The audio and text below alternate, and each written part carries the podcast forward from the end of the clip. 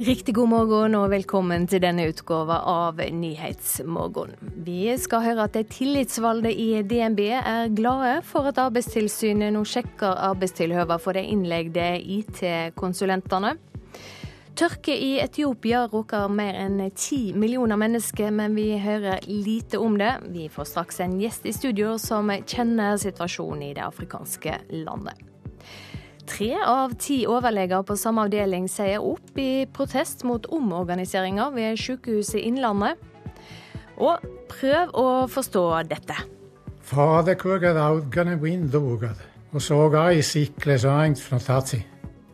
Om litt blir det mer elvdalsk. Spørsmålet er om dette er en svensk dialekt eller et eget språk. I studio i dag Silje Sande. Allerede i 2013 ble arbeidstilhøva til de utenlandske IT-arbeiderne tatt opp med ledelsen i DNB. Hundrevis av indere har midlertidig jobb i banklokaler som ansatte hos underleverandører for banken.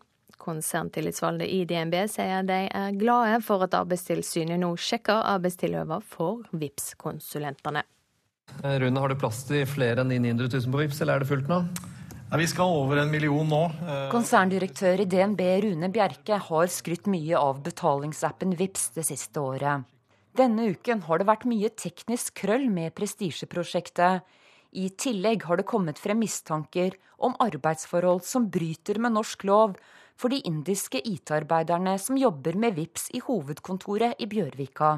Både verneombud og konserntillitsvalgt sier nå til NRK at de ønsker granskingen velkommen.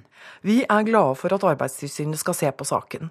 Skriver Vigdis Mathisen, konserntillitsvalgt i DNB, i en skriftlig uttalelse til NRK. Vi forventer at slike temaer tas fortløpende, og at DNB er seg sitt ansvar bevisst. Det var onsdag NRK fortalte at Arbeidstilsynet skal granske VIPS-konsulentenes arbeidsforhold etter tips om grove brudd på arbeidsmiljøloven. Ingen er tjent med at noen i DNBs organisasjon eller innleide konsulenter jobber i strid med arbeidsmiljøloven.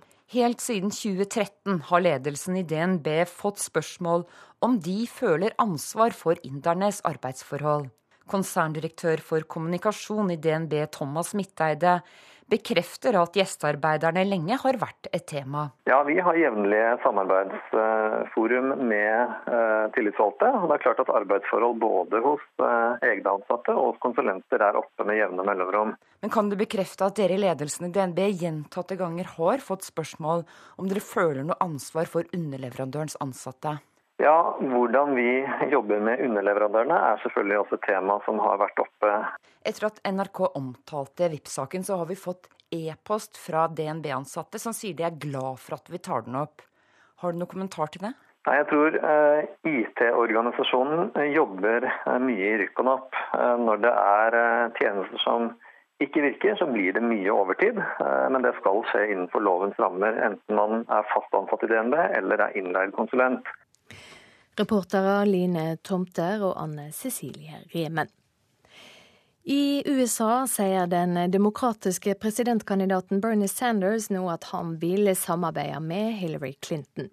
I en tale i natt sa Sanders at de sammen skal stanse den republikanske presidentkandidaten og milliardæren Donald Trump fra å bli den neste presidenten i USA. The major political task that together we in the next five months is to make certain that Donald Trump is defeated and defeated badly. And I personally intend to begin my role in that process in a very short period of time. Så skal vi til Afrika og Etiopia. Liv Steinmo Eggen, du jobber for Kirkens Nødhjelp i et land der opp mot 18 millioner mennesker er råket av tørke. Hvordan er situasjonen der? Da vi kjørte ut til landsbyer eh, øst i landet der, så så var det litt uvirkelig, for det var så grønt, for det akkurat regnet. Og det virker veldig frodig. Men eh, så når du tenker på at det var tørke, så virker det litt sånn eh, uvirkelig. Men når vi møtte folk, så ble jo krisa veldig virkelig. For vi møtte foreldre, og spesielt mødre, som fortalte om unger som de ikke klarte å skaffe mat til Og jeg husker spesielt ei mor som hadde en toåring på arma, som var i rosa kjole og, og søt og pent kledd, men hun var jo mye mindre enn toåringer vanligvis er, og hun var helt apatisk. Så jeg tenkte i mitt stille sinn at hvis jeg kommer tilbake her om én til to måneder, så får jeg vel neppe se den jenta igjen. Og når du har barnebarn sjøl, så, så gjør det litt vondt å tenke på. Får de hjelp? Det, de får hjelp, men, men, det er ikke nok. Og det har regnet. Eh, men det er jo å samle seg vann i dammer, men det er jo forurense, for det blir jo brukt av både dyr og mennesker. Og nå har det jo òg eh, vært utbrudd av eh, akutt vannbårne sykdommer. Og spesielt små unger er jo veldig utsatt for det, for de er jo underernærte fra før. Hva gjør det? Eh, Kirkens Nødhjelp eh, bidrar med rensing av brønner og vannsystemer og opplæring i hygiene. Og vi har inngått et samarbeid med tre andre norske organisasjoner, Flyktninghjelpa, Norsk Folkehjelp og Utviklingsfondet, og fått 25 eh, millioner av UD som vi skal bruke til å respondere på krisa. Bidra med vann, sanitær og hygiene og såfrø og husly. Mange millioner mennesker er i nød. Hvorfor hører vi så lite om det? Altså Det konkurrerer jo med veldig mange andre kriser da, som er nær, nærmere oss. Eh, det er nok vanskeligere å nå fram eh, med, med situasjoner fra Afrika enn det som f.eks. skjer med flyktninger og, og Syria, som er nærmere oss. Men FN har jo definert det her som verdens tredje største krise, og det er den eh, største tørke, eller verste tørken som har skjedd i Etiopia på, på 50 år.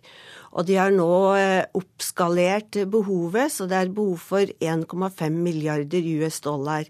Og det trengs mye mer hjelp. Er, eh, omfanget er så stort at er Etiopia vil ikke klare det alene. Det er ikke noe land som kan klare det alene. Så vi må hjelpe. Takk skal du ha for at du kom i studio, Liv Steinmo Egen fra Kirkens Nødhjelp. Leger sier opp i protest mot det de mener er rasering av et godt fungerende tilbud ved Sykehuset Innlandet. Bare ved avdelinga for muskel- og skjelettplager har tre av ti overleger sagt opp jobben den siste tida. Ledelsen hevder at dette er leger som synes det er vanskelig å omstille seg. Det er her du jobber, da? Det er kontoret? Det er Mitt kontor. Her på poliklinikken i Ottestad tar Terje Kjær imot pasienter med smerter i muskler og skjelett. Jeg har jobba med dette i 13 år og stortrives. I 13 år har overlegen hjulpet folk til et bedre liv, men nå er det slutt. De siste omorganiseringene har fått begeret til å renne over.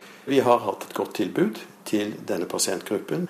Eh, som, eh, som, da eh, ikke vil få det tilbudet fordi at man fjerner legekapasitet fra denne avdelingen.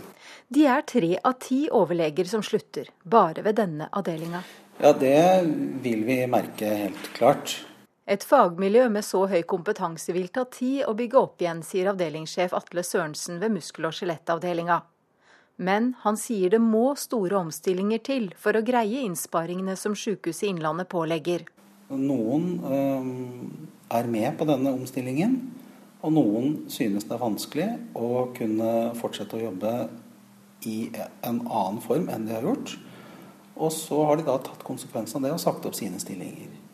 Men er ikke det også et tydelig signal om at det har kommet en grense? Eh, jo, det er det disse har signalisert. Og jeg, og, og jeg synes jo, jeg skal jo støtte på det, at det er krevende å drive spesialisert eh, sykehusdrift i dag. Avdelinga for muskel- og skjelettplager må ta sin del av den totale innsparinga på 440 millioner kroner de neste åra. Men vi er veldig opptatt av å ivareta det ansvar vi har og de viktigste oppgavene. Og, og ha et eh, kvalitativt godt tilbud så godt som mulig innenfor de rammene som vi rår over. Det sier divisjonsdirektør Astrid Millum for habilitering og rehabilitering. Og Det er jo sterke signaler. Og vi eh, er jo lei oss for at vi mister eh, kompetente og veldig erfarne folk på den måten. Hun viser til at Helse Sør-Øst prioriterer etter befolkningstall, og med innbyggernedgang i Innlandet vil pengene gå til Oslo-området. Senest i går vedtok styret å bygge nytt storsykehus i Oslo. Med en utfordrende økonomi blir det om å gjøre å få mest ut av kronene lokalt, sier hun. Vi jobber hele tida med rekruttering av nye, og vi jobber hele tida også med å, å, prøve å beholde de vi har.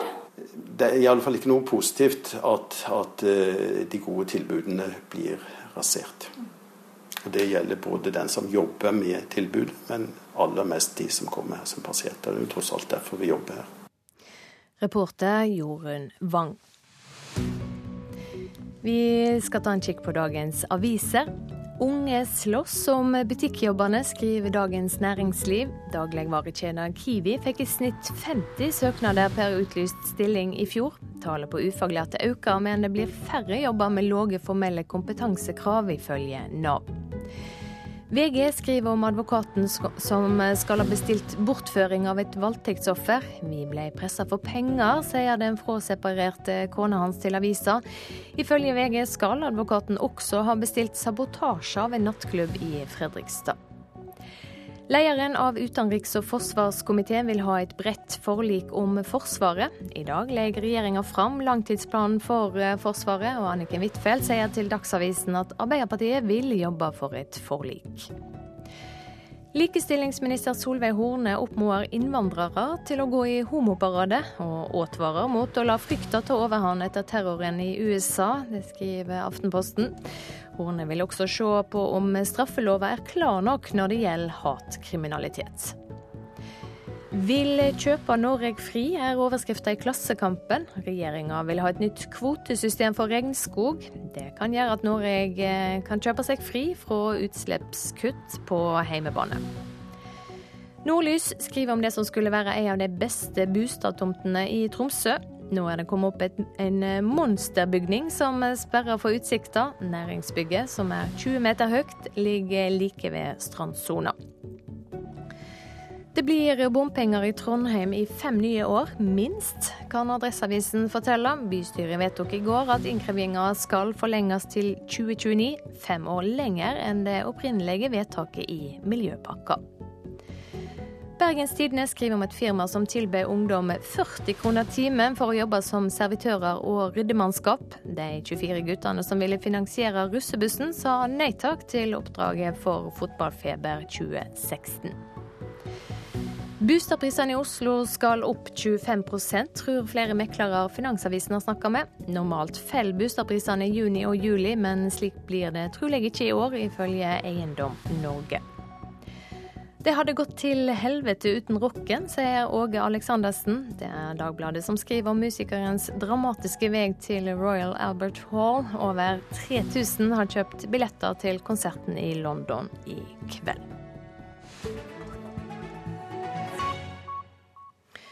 Det skal handle om eh, fotball i sporten. Og det meste handler om Zlatan Ibrahimovic og hans skåring for tolv år siden mot Italia, i forkant av ettermiddagens kamp mellom Sverige og Italia i fotball-EM er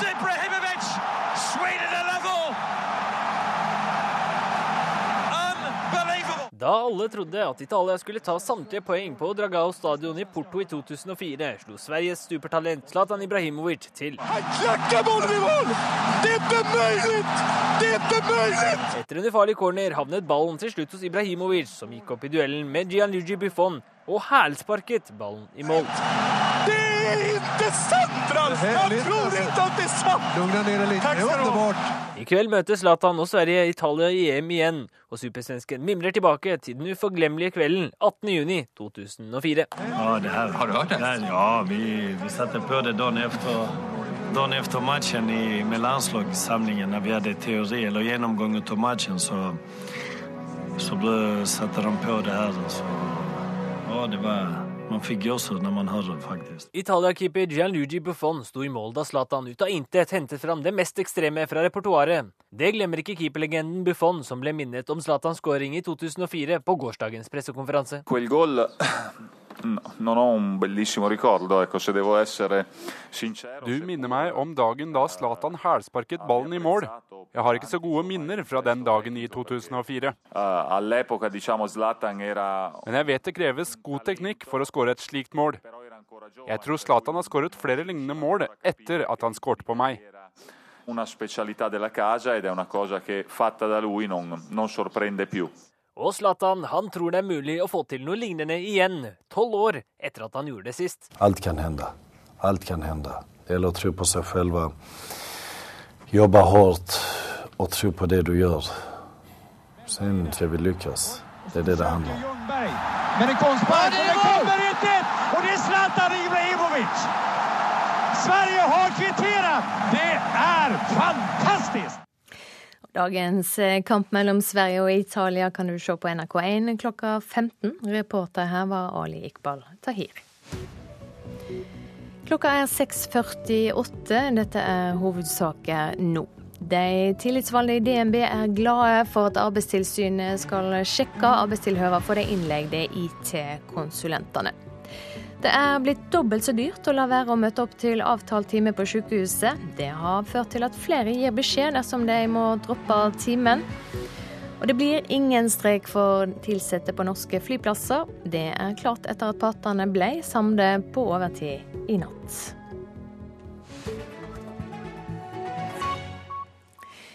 «200 000 pasienter i Norge møtte ikke opp til avtalt tid på sykehuset i 2014. Derfor ble gebyret dobla fra 320 til 640 kroner fra 1.1 i fjor. Og det har hatt effekt. Nå er det flere pasienter som sier ifra når de ikke kan komme, slik at andre kan overta legetimen deres. Men det hender fremdeles at noen glemmer det. Ja da, det har hendt et par ganger. Hva har skjedd da? Nei, altså man, For å si det sånn, man får jo litt lang underleppe, da. Det er litt sure penger. Har du betalt, eller? Ja da. Det er ikke noe vits i å få noe krangel på det. Nå sitter mannen i 60-åra og venter på drosje utenfor sykehuset Telemark. Denne gangen kom han til avtalt tid.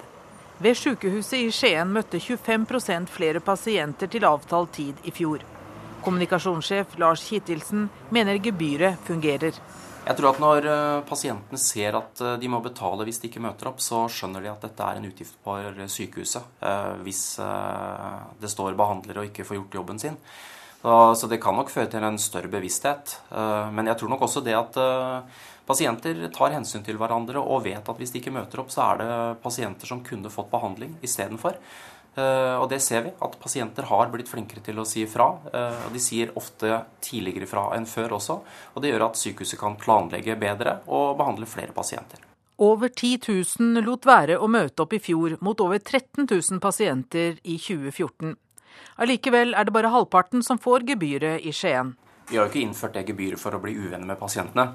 Men, eh, og hvis det er ting som har kommet i veien som er greie forklaringer, så hører vi på hva pasienten har å si.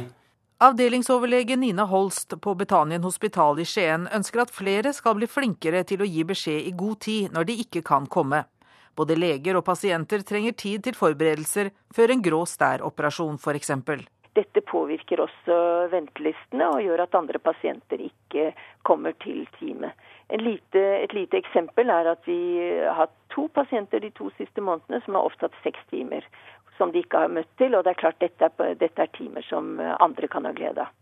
Helse- og omsorgsdepartementet er fornøyd med effekten av det nye gebyret. Statssekretær Anne Grete Erlandsen håper det vil redusere ventetida for mange.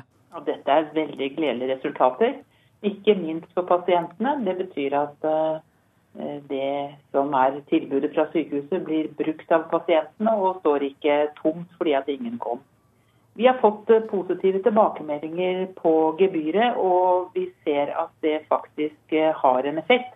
Samtidig som at det er også viktig at pasientene får mulighet til å si fra seg en time hvis eh, det er noe som ikke passer. Sånn at vi får en bedre dialog mellom sykehuset og pasientene, sånn at folk kommer når de skal. Det hjelper å få en påminnelse på SMS. Sykehuset har blitt flink til det, forteller pasienten, som har kjent det svi på pungen etter to gebyr. Ja, spesielt med det at du får melding i forveien. Det er veldig greit. Det er ikke alltid en husker alt. vet du. Reporter Britt Bojesen. Jernroser fra smeder over hele verden skulle bli Oslo sitt minnesmerke for ofrene etter angrepet mot Utøya. Fem år har gått, men rosene ligger fremdeles på vent. Midt i vinteren i februar kom det 14 mennesker fra Tyskland og, og Nederland med roser. Kjørte motorsykkel hit midt i vinteren. Ja, det er så mange fantastiske berettelser her. Tobbe Malm driver smia på Bærums Verk. Han ser utover nesten 900 hjerneroser som ligger på loftet over verkstedet. Planen var at disse skulle blitt et minnesmerke etter 22.07, men nå, etter fem år med arbeid, er planene stoppet. Nå har de ligget der oppe i snart fem år, og eh, det får ikke være så. De her rosene måtte ut og fram. For att det er en sånn stark symbol for at mennesker har lyst å skape noe godt utifrån noe veldig, veldig ondt. Smeder over hele verden har bidratt og laget de nesten 900 rosene. På Norges eneste smedutdanning i Dovre kommune lagde studentene hver sin rose til det planlagte monumentet i 2013. Også mange som mistet noen på Utøya har laget roser. I en bøtte står rosene som pårørende har smidd. På denne rosen står det 'Alexander'. Og den er smidd av en av eh, som var på Utøya, som overlevde. Og han har smitt den til minne om sin beste kompis som dog da. Alexander. Så hver ros har sin egen berettelse. På en av høydene i Stensparken i Oslo ønsket smedene at minnesmerket skulle stå. Men byantikvar i Oslo, Janne Wilberg, er ikke fornøyd med planene. Paviljongen den kommer her borte på brinken. Monumentet er 34 meter langt, og det består bl.a. av en vegg på eh, 20 meters glassvegg, som er nesten tre meter høy. Eh, og det er veldig mye inn i denne helheten her. Å endre monumentet som er tenkt som en gave til Oslo kommune, vil koste mye penger. Kommunen sier de ikke har bestemt seg om de følger Byantikvarens innvendinger. Enn så lenge ligger rosene i smia. Det er jo klart at det har betydd mye for de eh, overlevende og etterlatte som har vært med å smi roser. Det er mange av oss som kjenner noen som, som var på Utøya. Eh, det er mange av oss som kjenner noen som aldri kom tilbake fra Utøya. Eh, og det er mange av oss som heldigvis også kjenner mange som kom hjem fra Utøya. Eh, og vi er en av få kommuner som ikke har et minnesmerke, og det har jeg veldig lyst til å bidra til at vi får. Kulturbyrådet i Oslo, Rina Mariann Hansen, til reporter Kaja Figenschou.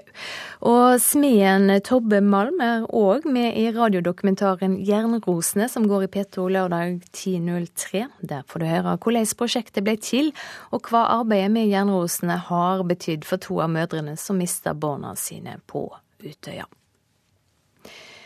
Til Sverige nå. En gammel språkstrid er igjen aktuell der, etter at den internasjonale språkorganisasjonen Summer Institute of Linguistics har anerkjent den svenske dialekten elvdalsk som et eget minoritetsspråk.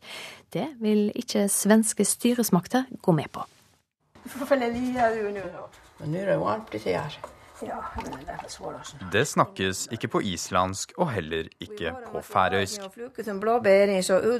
Det snakkes på svensk, nærmere bestemt på dialekten elvdalska som flere bruker i den svenske kommunen Elvdalen i Dalarna, kun et steinkast fra den norske grensen. Det går å høre fornordiske, islandske, til og med engelske, som denne meningen. Fader kurgad audgane windogad, og såga i sikle så engt fra tatsi. I flere år har folk i Elvdalen kjempet for at den unike dialekten skal anerkjennes som et selvstendig språk. Og for kort tid siden fikk de medhold av den internasjonale språkorganisasjonen Summer Institute Linguistics, forkortet SIL, som konkluderte med at elvdalska kan regnes som et minoritetsspråk. Det kjennes kjempebra. Det, det her er en kjempeviktig sak, tror jeg, både for språket og for älvdalingarna att, som har liksom blivit hånade og utsatta under mange, mange år. Det sier Bjørn Renstrøm fra den elvdalska foreningen Ulum Dalska til Sveriges Radio. Men kampen er langt fra vunnet. Svenske myndigheter anerkjenner ikke elvdalsk som et offisielt minoritetsspråk. Det har man helt enkelt ikke ja, in, in, Det har ikke fått et sånt erkjennende. Forteller Jenny Spets, utreder i det svenske språkrådet.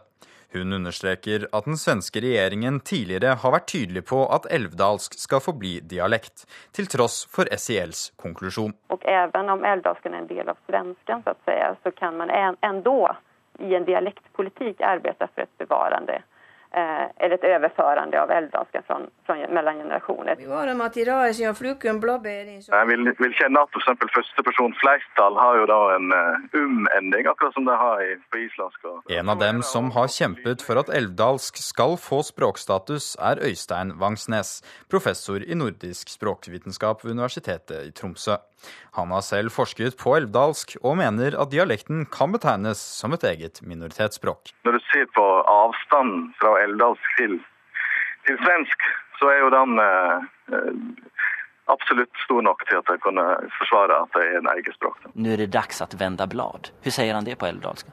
Nå er det vendt blad, det er dags for det nå. Enn så lenge er det bare fem offisielle minoritetsspråk i Sverige. Reporter Brage Berglund.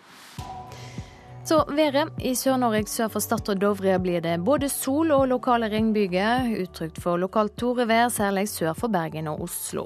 Utover dagen øker vinden til nordlig stiv kuling fra Stad og sørover mot Bergen. På kysten av Sørlandet vest for Oksøy blir det vestlig liten kuling. Møre og Romsdal, Trøndelag, Nordland og Troms får nord- og nordøst liten kuling på kysten, med stiv kuling på Sunnmøre og i Lofoten. Litt sol i Troms først på dagen, ellers skyer, og utpå dagen litt regn eller regnbyger i indre strøk. Finnmark får øst og nordøst opp til frisk bris på kysten, regn fra i formiddag, først på vidda. Og Spitsbergen får sørvest liten kuling på vestkysten og regn. Temperaturene målte klokka fem. Svalbard lufthavn fem. Kirkenes 17. Vardø og Alta 9. Tromsø-Langnes 7. Bodø 11. Brønnøysund 10. Trondheim, Værnes og Molde hadde begge tolv. Bergen-Flesland har vi ikke fått inn. Stavanger og Kristiansand-Kjevik 13. Gardermoen og Lillehammer 15. Røros 9 og Oslo-Blindern, der var det målt 16 grader.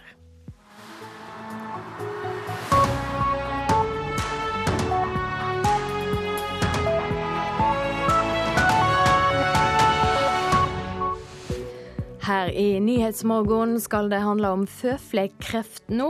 En ny behandling gjør nemlig at pasienter kan leve lenger med sykdommen. I dag legger regjeringa fram sin langtidsplan for Forsvaret. Ikke alle liker det som kommer. Offisersforbundet frykter at det kommer til å ende opp med pengesløsing. Bernie Sanders, som har kjempa mot eh, Hillary Clinton om å bli demokratene sin presidentkandidat i USA, sier nå at han vil hjelpe Clinton med å slå Donald Trump. Og vi skal også til Storbritannia, der folk i går ble sjokkerte over drapet på et eh, parlamentsmedlem.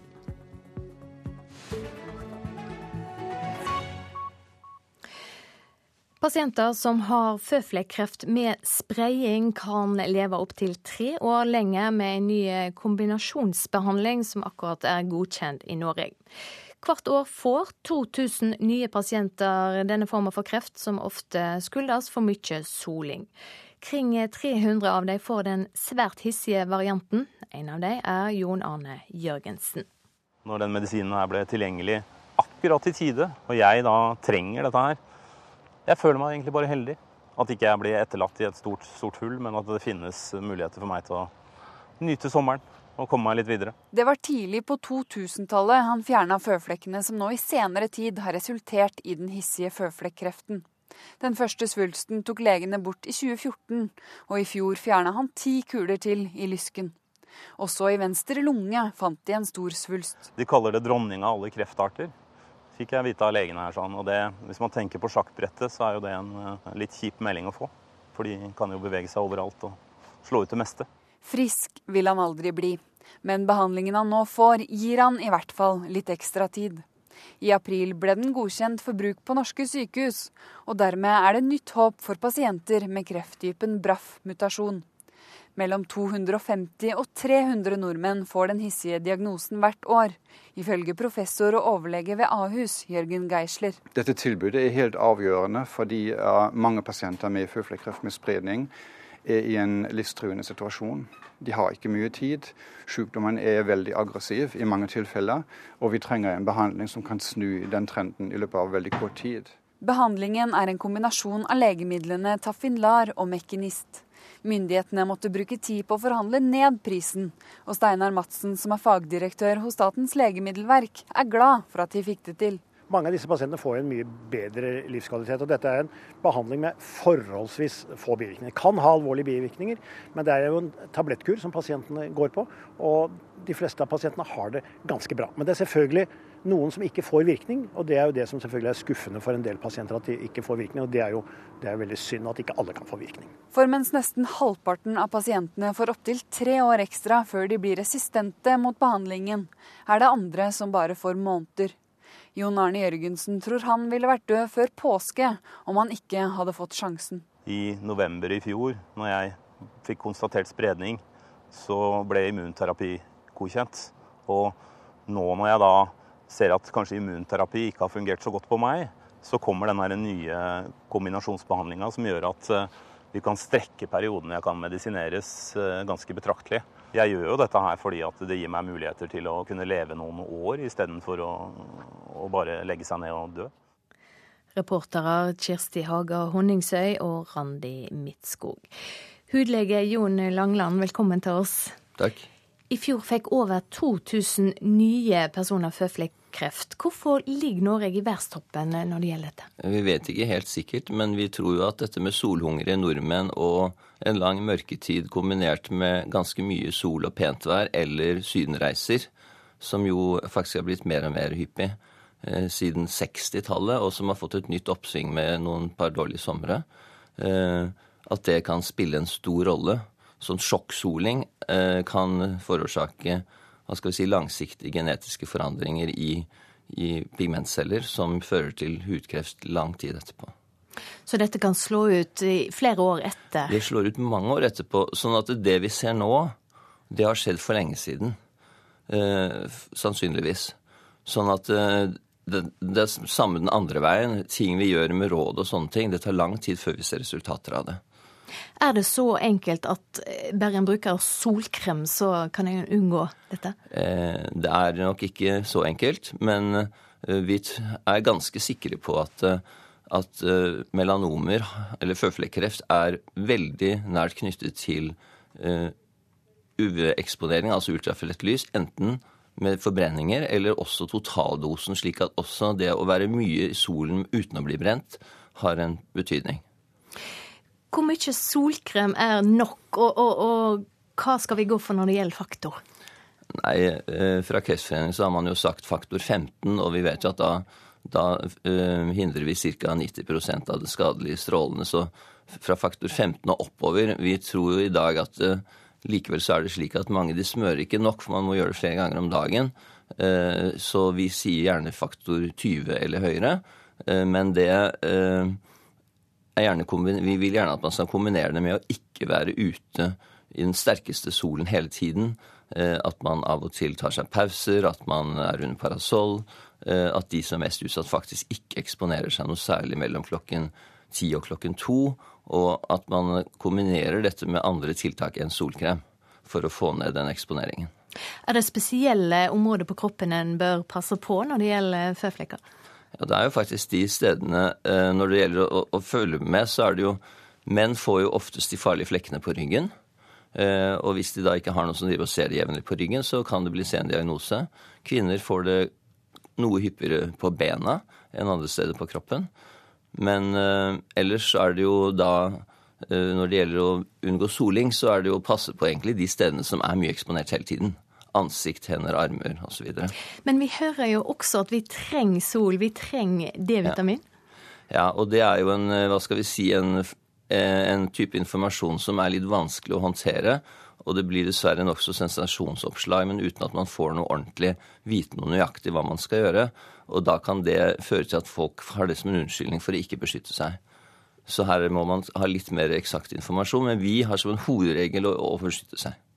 Ja, Hva informasjon er det viktigste? Da? Nei, fordi at uh, Den viktigste informasjonen er å ikke bli brent og ikke sole seg for mye. For de fleste nordmenn får nok sol til å få D-vitamin, D-vitaminkonsentrasjonen uh, opp. Er det spesielle grupper som blir råka av føflekkreft? Uh, ja, det er jo de som har lys hud, som har fregner og som tåler solen dårligst. Det er også de som er mest utsatt. Jon Langland, hudlege, takk for at du kom i studio til oss.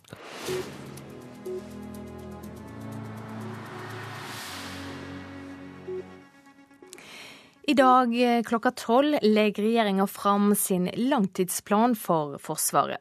Der kommer det bl.a. forslag om å legge ned flere militærbaser. En av dem er den militære flystasjonen på Andøya i Nordland, der nye eh, overvåkingsfly blir foreslått flytta til Evenes.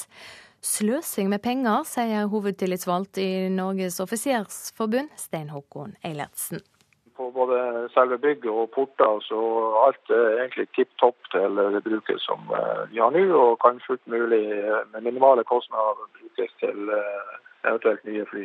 I dag skal regjeringen og forsvarsminister Ine Eriksen Søreide presentere den nye langtidsplanen for Forsvaret. Etter det NRK erfarer, forsvinner også flystasjonen på Kjevik ved Kristiansand og Kystjegerkommandoen utenfor Harstad. Det allierte treningssenteret Åsegarden avvikles, og Møre og Fjordane heimevernsdistrikt blir også nedlagt. Forsvaret trenger å legges om, sier Søreide. En av grunnene til det er jo at vi skal bruke pengene våre på en effektiv og god måte. Vi skal vri pengene fra baser og kvadratmeter og over til operativ evne og forsvarsevne. Men det andre er jo at basestrukturen vi har i dag, til en viss grad ikke har blitt endra ettersom Forsvaret har endra seg ganske mye de siste åra.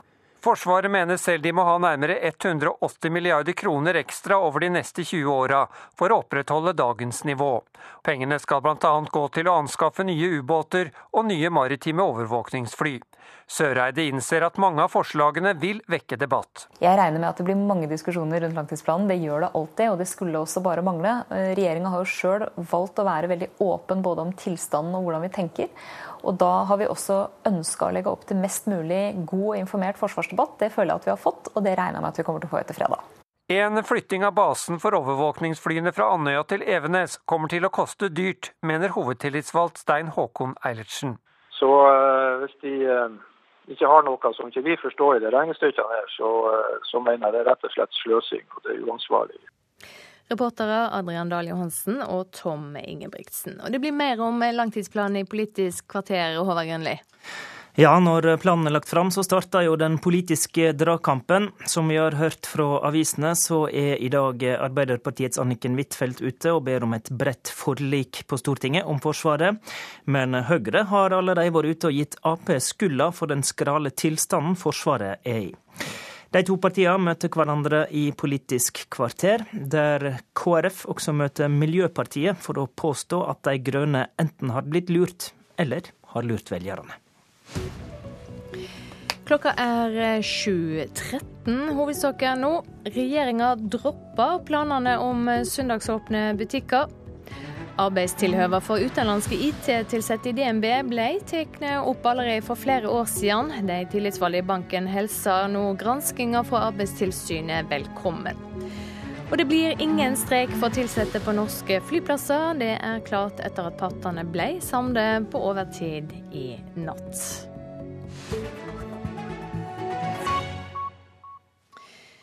Mannen som britiske medium omtaler som drapsmannen til politikeren Joe Cox, har lenge vært støttespiller av en nynazistisk organisasjon. Det opplyser et antidiskrimineringssenter.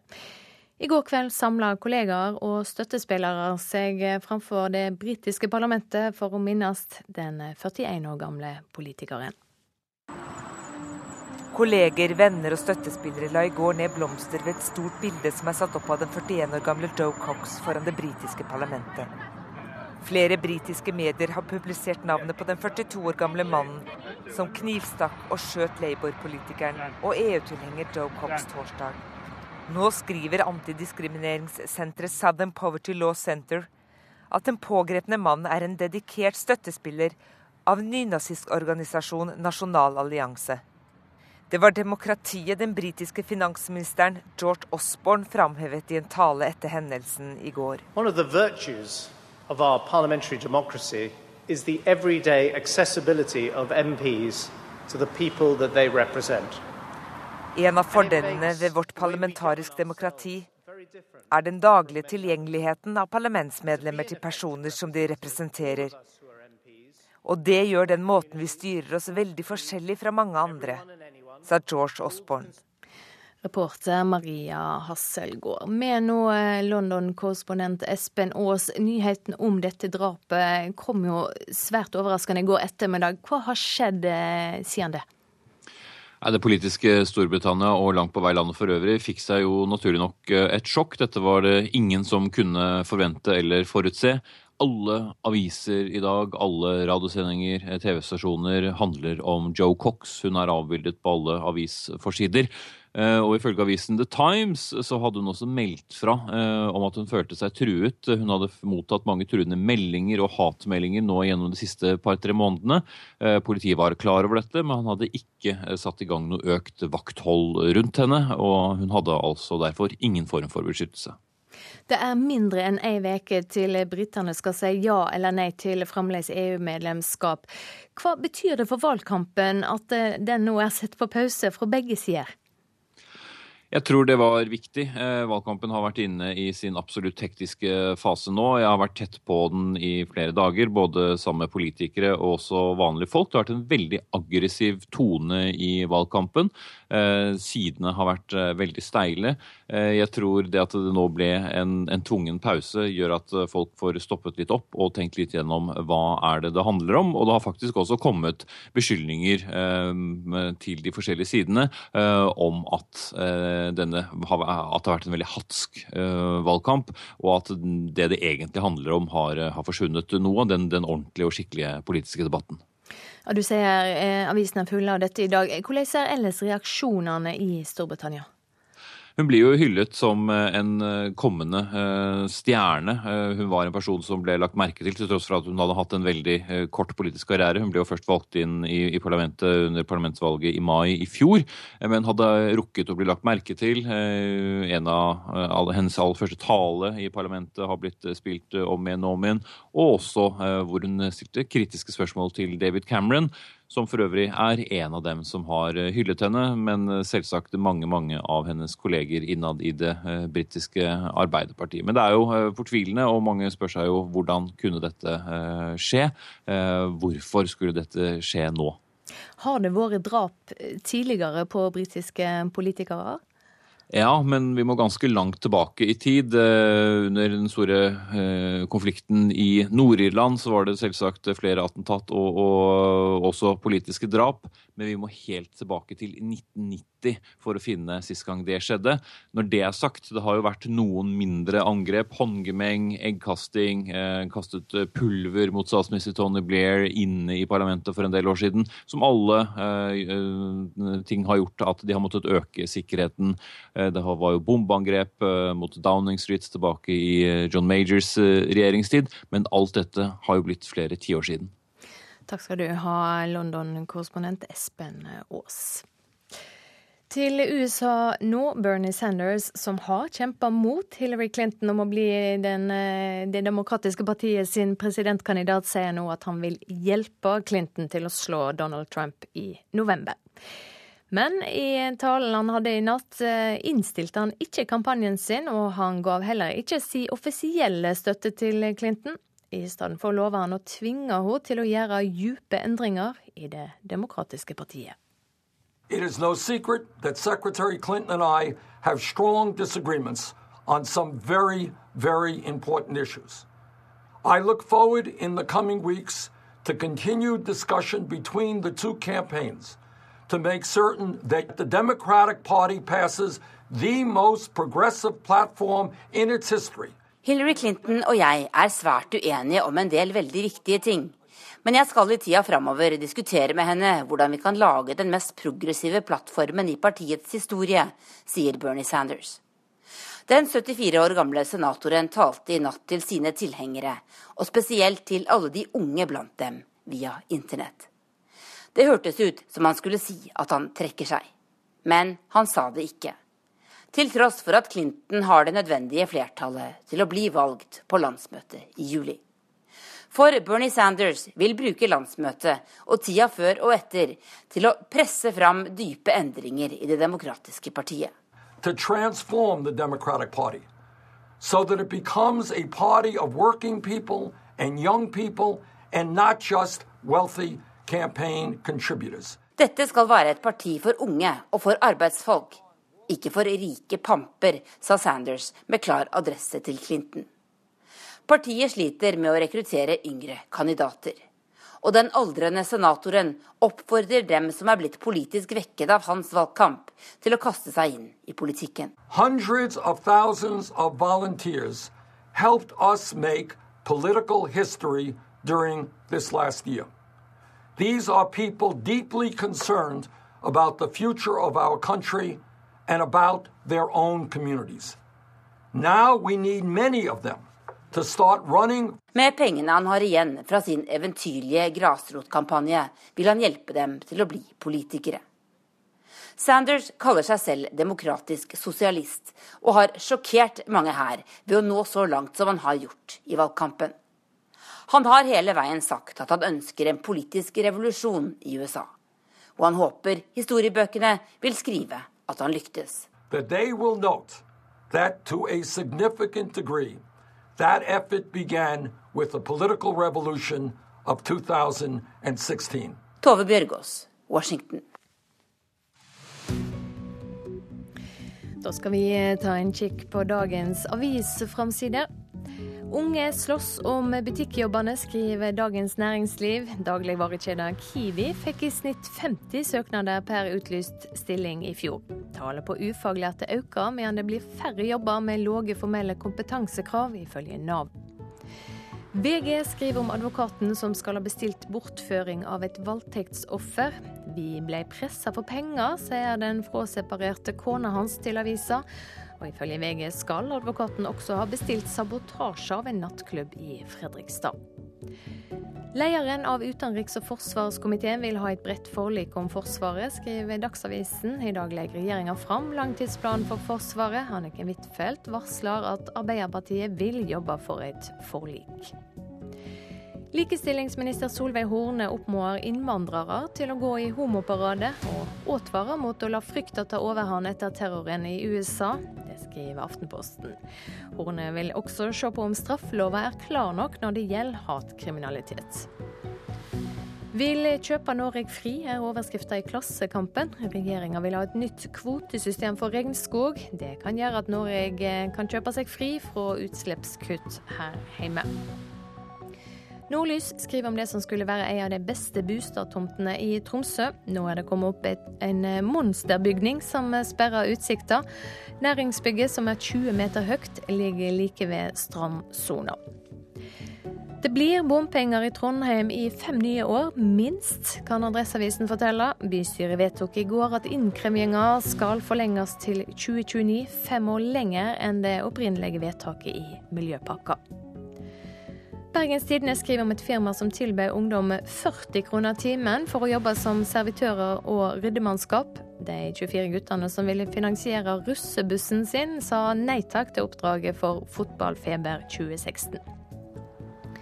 Boligprisene i Oslo skal opp 25% tror flere meklere. Finansavisen har snakka med normalt fell boligprisene i juni og juli, men slik blir det trolig ikke i år, ifølge Eiendom Norge.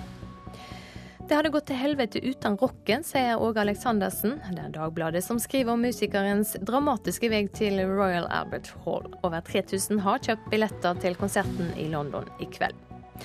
Og fyr er den nye ferietrenden, ifølge Fedrelandsvennen, som har sjekka tilbudet på ti sørlandsfyr. Du trenger nemlig ikke dra så langt for å få en annerledes og eksotisk ferie.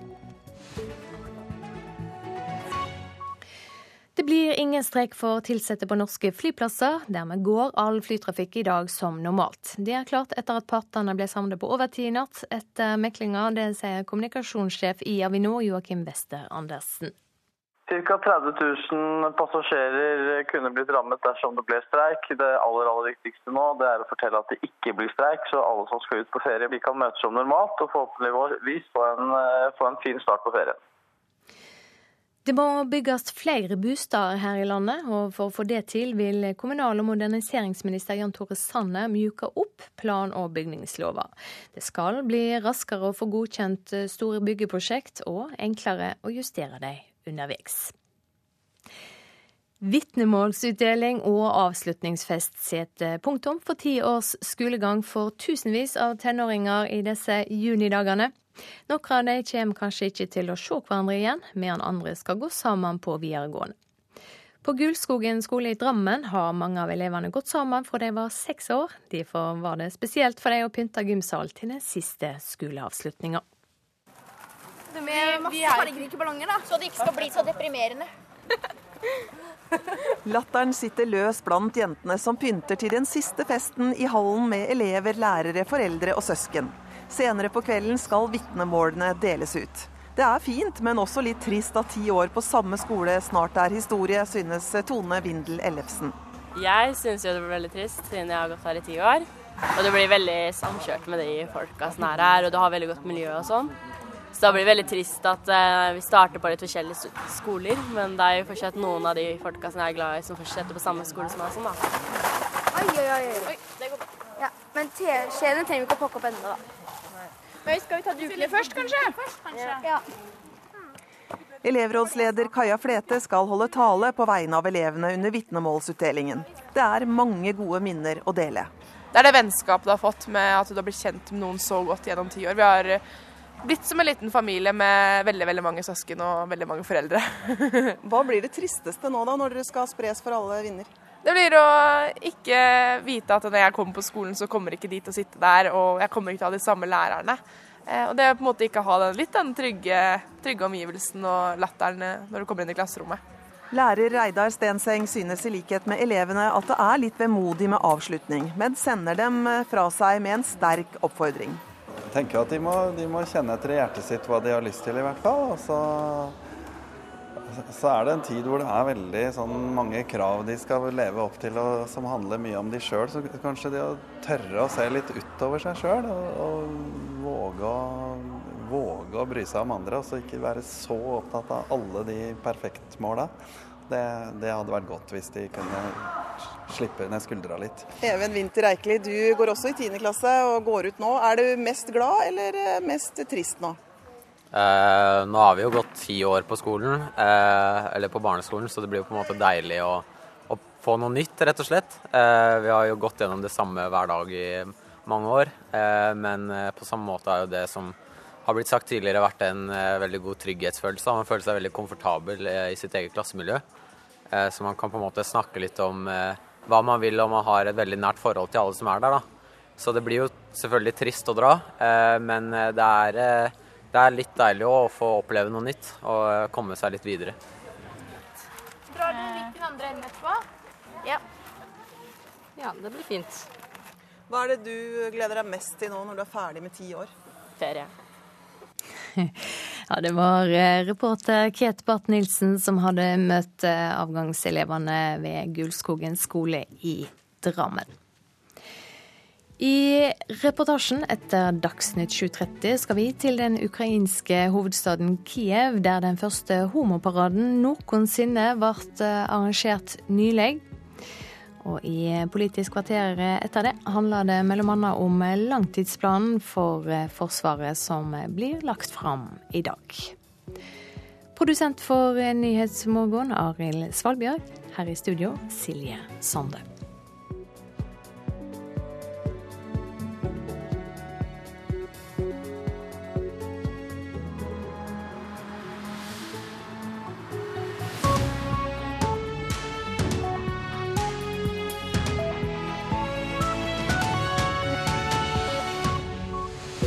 Her i Nyhetsmorgen skal vi høre mer om at den britiske politikeren som ble drepen i går, hadde meldt ifra om at hun kjente seg trua.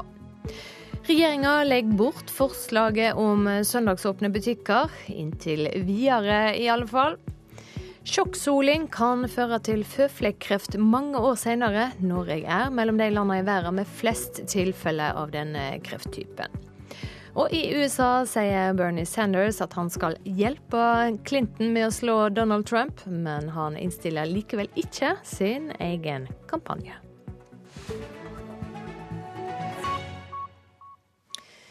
Regjeringa legger altså framlegget om søndagsåpne butikker på vent. Kulturminister Linda Hofstad Helleland fra Høyre setter nå ned et utvalg, og dermed er det definitivt klart at det ikke blir søndagsåpne butikker før tidligst etter stortingsvalget neste høst. Vi kommer ikke til å gjøre endringer i dagens lov. Kulturminister Linda Hofstad Helleland setter en spiker i kista for regjeringens plan om at også vanlige dagligvarebutikker, ikke bare Brustadbuen og turistbutikkene, skal få holde søndagsåpent. Begrunnelse nå handler folk mer via datamaskiner og mobil. Mange familier sitter nå hjemme og, og bestiller matvarer på nettet. Handelsnæringa møter tøffere og ny konkurranse.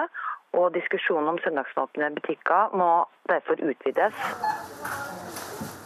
Søndagsåpne butikker har vært en stridssak, både i befolkningen og på Stortinget. Særlig mellom regjeringen og samarbeidspartiene Venstre og Kristelig Folkeparti. Det er ikke noe galt i å gå og handle på søndagen. Men er det Partileder Knut Arild Hareide og resten av KrF har hele tiden stått steilt på at hviledagen skal holdes hellig. Men jeg tror ikke jeg ville vært for at du åpna kjøpesentrene på en, på en søndag. I Venstre har Trine Skei Grande og hennes medlemmer gått bort fra standpunktet om at kommunene selv skal få bestemme. Nå går de inn for en begrenset oppmykning av regelverket. Med både opposisjonen og støttepartiene imot, samt tydelige motstemmer fra både arbeidsgiverne og arbeidstakerne, legges forslaget nå på is. Kulturministeren setter ned et utvalg som skal komme med sine konklusjoner neste høst. Med den teknologiske utviklinga så også endrer forbrukermønsteret seg. Der netthandel nå blir mer og mer vanlig, og at folk sitter hjemme og bestiller varer på nett. Og Derfor skal utvalget komme med forslag til hvordan loven skal endres, men også bidra til et bedre kunnskapsgrunnlag. Utvalget skal ledes av tidligere byrådsleder i Oslo, Høyremannen Erling La, som nå er fylkesmann i Vestfold. Reportasjen var laga av Lisbeth Skei og Fredrik Lauritzen. Pasienter som har føflekkreft med spraying, kan leve opptil tre år lenger med en ny kombinasjonsbehandling som nett ble godkjent her i landet. Hvert år får 2000 nye mennesker denne formen for kreft i Norge, og det skyldes ofte for mye soling. Kring 300 av dem får den svært hissige varianten. Jon Arne Jørgensen er en av dem. Når den medisinen her ble tilgjengelig akkurat i tide, og jeg da trenger dette her Jeg føler meg egentlig bare heldig. At ikke jeg blir etterlatt i et stort, stort hull, men at det finnes muligheter for meg til å nyte sommeren og komme meg litt videre. Det var tidlig på 2000-tallet han fjerna føflekkene som nå i senere tid har resultert i den hissige føflekkreften. Den første svulsten tok legene bort i 2014, og i fjor fjerna han ti kuler til i lysken. Også i venstre lunge fant de en stor svulst. De kaller det dronning av alle kreftarter, fikk jeg vite av legene her. sånn. Og det, Hvis man tenker på sjakkbrettet, så er jo det en litt kjip melding å få. For de kan jo bevege seg overalt og slå ut det meste. Frisk vil han aldri bli, men behandlingen han nå får, gir han i hvert fall litt ekstra tid. I april ble den godkjent for bruk på norske sykehus, og dermed er det nytt håp for pasienter med krefttypen BRAF-mutasjon. Mellom 250 og 300 nordmenn får den hissige diagnosen hvert år, ifølge professor og overlege ved Ahus, Jørgen Geisler. Dette tilbudet er helt avgjørende fordi mange pasienter med føflekkreft med spredning er i en livstruende situasjon. De har ikke mye tid. Sykdommen er veldig aggressiv i mange tilfeller, og vi trenger en behandling som kan snu den trenden i løpet av veldig kort tid. Behandlingen er en kombinasjon av legemidlene Tafinlar og Mekinist.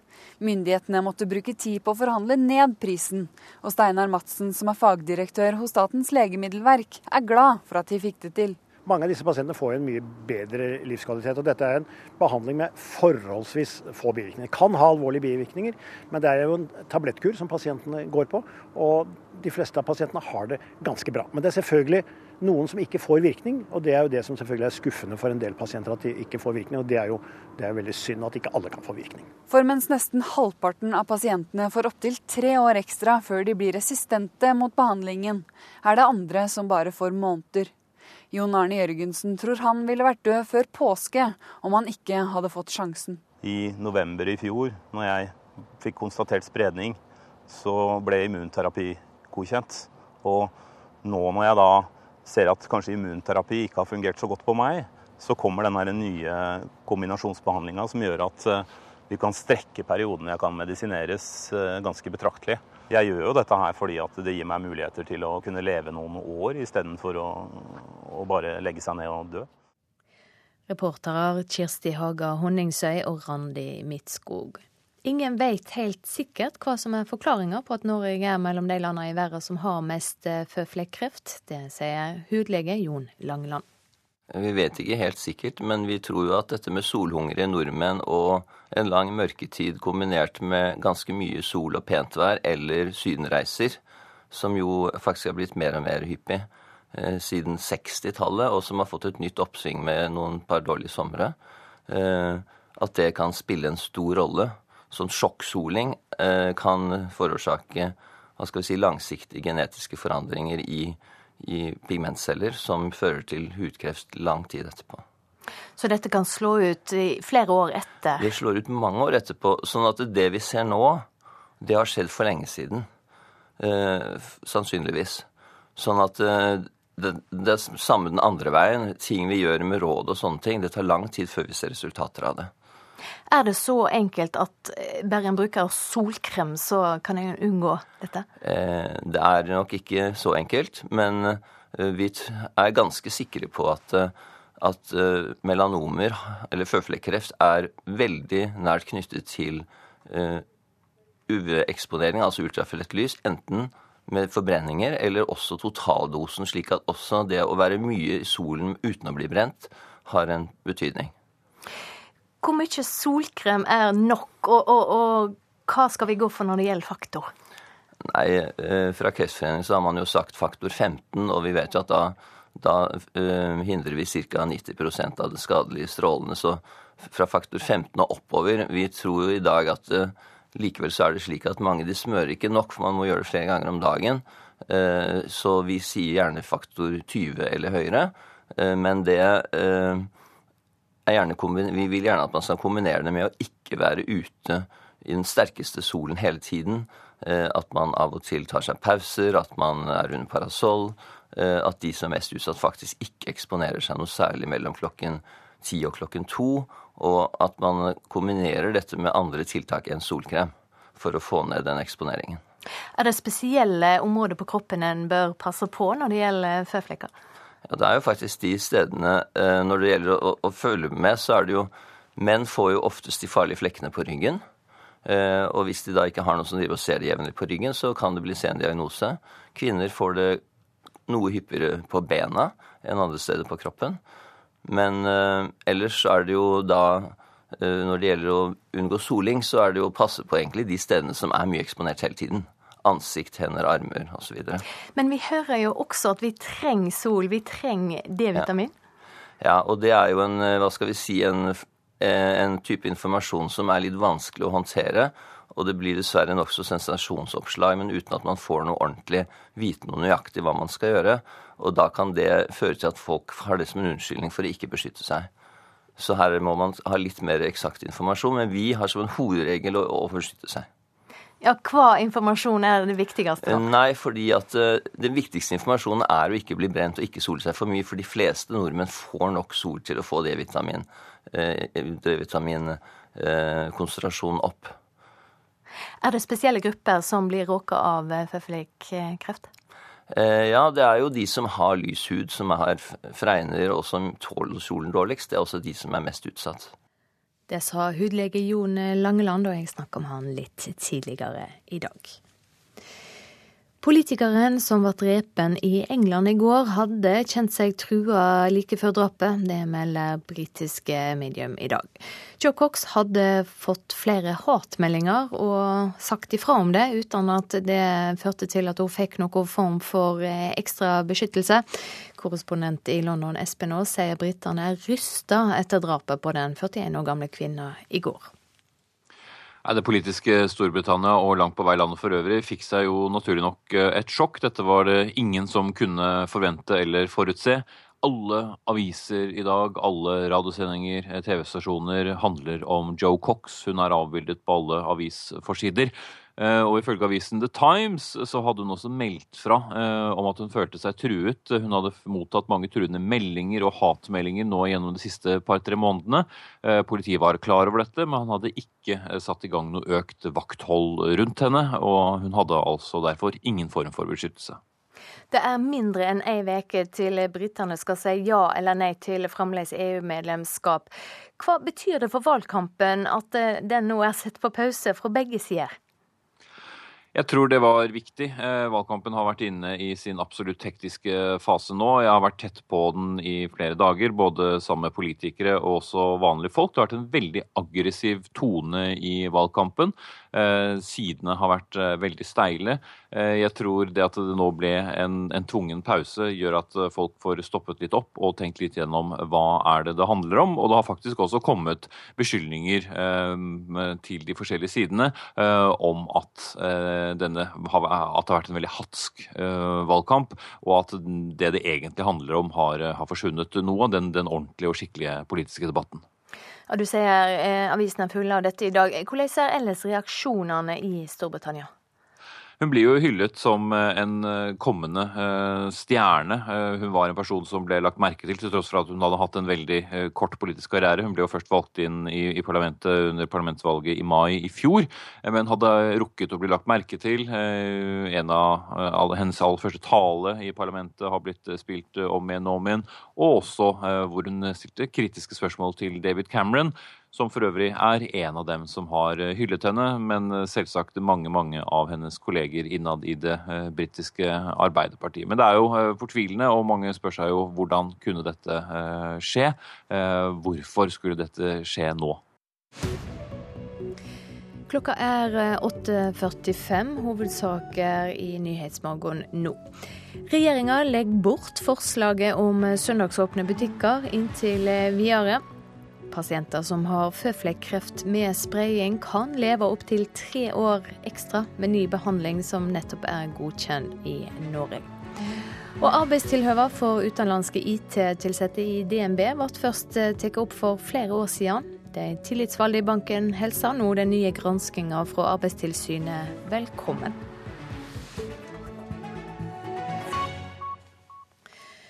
Leder i Stortingets eh, forsvars- og utenrikskomité, Arbeiderpartiets Anniken Huitfeldt, tar til orde for et bredt politisk forlik om eh, Forsvaret, der eh, partiet forplikter seg til langsiktig satsing på de norske styrkene. Huitfeldt sier dette til Dagsavisen i dag, og hun utdyper i Politisk kvarter hvorfor hun mener det er trong for dette. Fordi at de som jobber i Forsvaret trenger forutsigbarhet. Noen skal gjennom store omstillinger. Men det viktigste er at vi får en forpliktende finansieringsplan for opptrapping. Til nå har jo Høyre i regjering eh, ikke bevilget mer til Forsvaret enn Stoltenberg-regjeringen, snarere tvert imot, mindre. Så vi må ha forpliktelser. Og så må vi vite hvilken vei Forsvaret går, og så må vi få mer i nord enn det som ligger her. Og jeg tror at et bredt flertall kan bidra til en eh, god løsning. Høyres stortingsrepresentant Hårek Elvenes mener signalet om en brei politisk avtale om Forsvaret er positivt. Men han mener Arbeiderpartiet har hovedansvaret for at Forsvaret er underfinansiert i dag. Grunnen er for lite satsing i de åtte rød-grønne regjeringsåra, mener han. Forsvaret kannibaliserte på mange måter seg sjøl La meg ta et eksempel. Fregattene, f.eks. Noen fregatter ble brukt som delebåter til andre fregatter. Slik fikk man ikke utnytta tidligere tiders investeringer, fordi at man ikke pløyde nok penger inn i den eksisterende struktur. Nå legger regjeringa på bordet i dag en plan for opptrapping av Forsvaret som man må flere tiår tilbake for å finne eksempel på. Nå blir Forsvaret fullfinansiert med den strukturen det har, og den spesifikke kostnadsveksten som man har på forsvarsmateriell, blir også kompensert. Den jobben som Arbeiderpartiet burde ha gjort i den økonomiske glansperioden på åtte år, gjør denne regjeringa. Og da skjønner jeg godt at Arbeiderpartiet er interessert i et forlik, og det skal Arbeiderpartiet ha honnør for, men viktigere enn forlik er forlikets innhold. Det høres ikke ut som den store invitasjonen fra deg, dette her, da. Nei, det er jo litt merkelig. Altså, Vi har en regjering som ikke har flertall på Stortinget. Venstre og KrF har ikke lov til å støtte. Og Jeg bruker dagen til å si la oss finne sammen. Og du mistenkeliggjør altså det motivet og drar til meg liksom første morgenen før dere har lagt fram planen. Jeg syns det er ganske uklokt. For det er veldig lite samsvar mellom det dere sa da dere gikk på denne vakta, og det dere har levert. Og forsvarssjefen er jo helt tydelig. Mens vi så en økning i det som var Forsvarets operative evne på våre siste år, så sier han det seiles mindre, det flys mindre, Hæren trener mindre. Så det er ikke noe samsvar mellom det som blir sagt her. Ikke vær så sår, eh, fru Huitfeldt. Det er da ingen grunn til å gå på filtføtter overfor Arbeiderpartiet i forsvarspolitikken.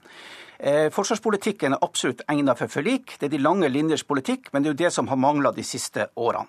Eh, dagens forsvars konkurranseevne er bygd ned over år, og det er det som må gjøres noe med.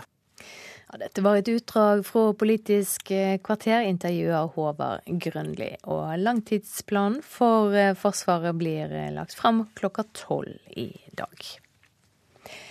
Allerede i 2013 ble arbeidstilhøva til de utenlandske IT-arbeiderne tatt opp med ledelsen i DNB. Hundrevis av indere har midlertidig jobb i eh, banken sine lokaler, som tilsetter hos underleverandører for banken. Konserntillitsvalgte i DNB sier nå at de er glade for at Arbeidstilsynet skal sjekke arbeidstilhøva for vips konsulent eh, Rune, har du plass til flere enn de 900 000 på VIPS, eller er det fullt nå? Nei, vi skal over en million nå. Eh, Konsernsjef i DNB Rune Bjerke har skrytt mye av betalingsappen VIPS det siste året. Denne uken har det vært mye teknisk krøll med prestisjeprosjektet. I tillegg har det kommet frem mistanker om arbeidsforhold i brudd med norsk lov for de indiske IT-arbeiderne som jobber med VIPS i hovedkontoret i Bjørvika. I dag bekrefter konserntillitsvalgte til NRK at arbeidsforholdene for gjestearbeiderne lenge har vært et tema i konsernet. Vi er glade for at Arbeidstilsynet skal se på saken skriver Vigdis Mathisen, konserntillitsvalgt i DNB, i en skriftlig uttalelse til NRK. Vi forventer at slike temaer tas fortløpende, og at DNB er seg sitt ansvar bevisst. Det var onsdag NRK fortalte at Arbeidstilsynet skal granske VIPS-konsulentenes arbeidsforhold etter tips om grove brudd på arbeidsmiljøloven. Ingen er tjent med at noen i DNBs organisasjon eller innleide konsulenter jobber i strid med arbeidsmiljøloven. I en tekstmelding til NRK skriver hovedverneombud Eli Solhaug at hun stiller seg bak konserntillitsvalgtets uttalelse. Helt siden 2013 har ledelsen i DNB fått spørsmål om de føler ansvar for indernes arbeidsforhold. Konserndirektør for kommunikasjon i DNB, Thomas Midteide, bekrefter at gjestearbeiderne lenge har vært et tema. Det er klart at Arbeidsforhold både hos eh, egne ansatte og hos konsulenter er oppe med jevne mellomrom eh, i dialogen vi har med de tillitsvalgte. Reportere Line Tomter og Anne Cecilie Remen. I USA sier Bernie Sanders, som har kjempa mot Hillary Clinton om å bli demokratene sin presidentkandidat, at han nå vil hjelpe Clinton til å slå Donald Trump i november. Men Sanders innstiller likevel ikke sin egen kampanje. Han har heller ikke gitt offisiell støtte til Clinton. I stedet for lover han å tvinge henne til å gjøre dype endringer i Det demokratiske partiet. It is no secret that Secretary Clinton and I have strong disagreements on some very, very important issues. I look forward in the coming weeks to continued discussion between the two campaigns to make certain that the Democratic Party passes the most progressive platform in its history. Hillary Clinton og jeg er svært uenige om en del veldig viktige ting. Men jeg skal i tida framover diskutere med henne hvordan vi kan lage den mest progressive plattformen i partiets historie, sier Bernie Sanders. Den 74 år gamle senatoren talte i natt til sine tilhengere, og spesielt til alle de unge blant dem, via internett. Det hørtes ut som han skulle si at han trekker seg. Men han sa det ikke. Til tross for at Clinton har det nødvendige flertallet til å bli valgt på landsmøtet i juli. For Bernie Sanders vil bruke landsmøtet og tida før og etter til å presse fram dype endringer i det demokratiske partiet. To transform the Democratic Party so that it becomes a party of working people and young people and not just wealthy campaign contributors. Dette skal være et parti for unge og for arbeidsfolk, ikke for rike pamper, sa Sanders med klar adresse til Clinton. Partiet sliter med å rekruttere yngre kandidater. Og den aldrende senatoren oppfordrer dem som er blitt politisk vekket av hans valgkamp, til å kaste seg inn i politikken. Hundreds of thousands of volunteers helped us make political history during this last year. These are people deeply concerned about the future of our country and about their own communities. Now we need many of them med pengene han har igjen fra sin eventyrlige grasrotkampanje, vil han hjelpe dem til å bli politikere. Sanders kaller seg selv demokratisk sosialist, og har sjokkert mange her ved å nå så langt som han har gjort i valgkampen. Han har hele veien sagt at han ønsker en politisk revolusjon i USA.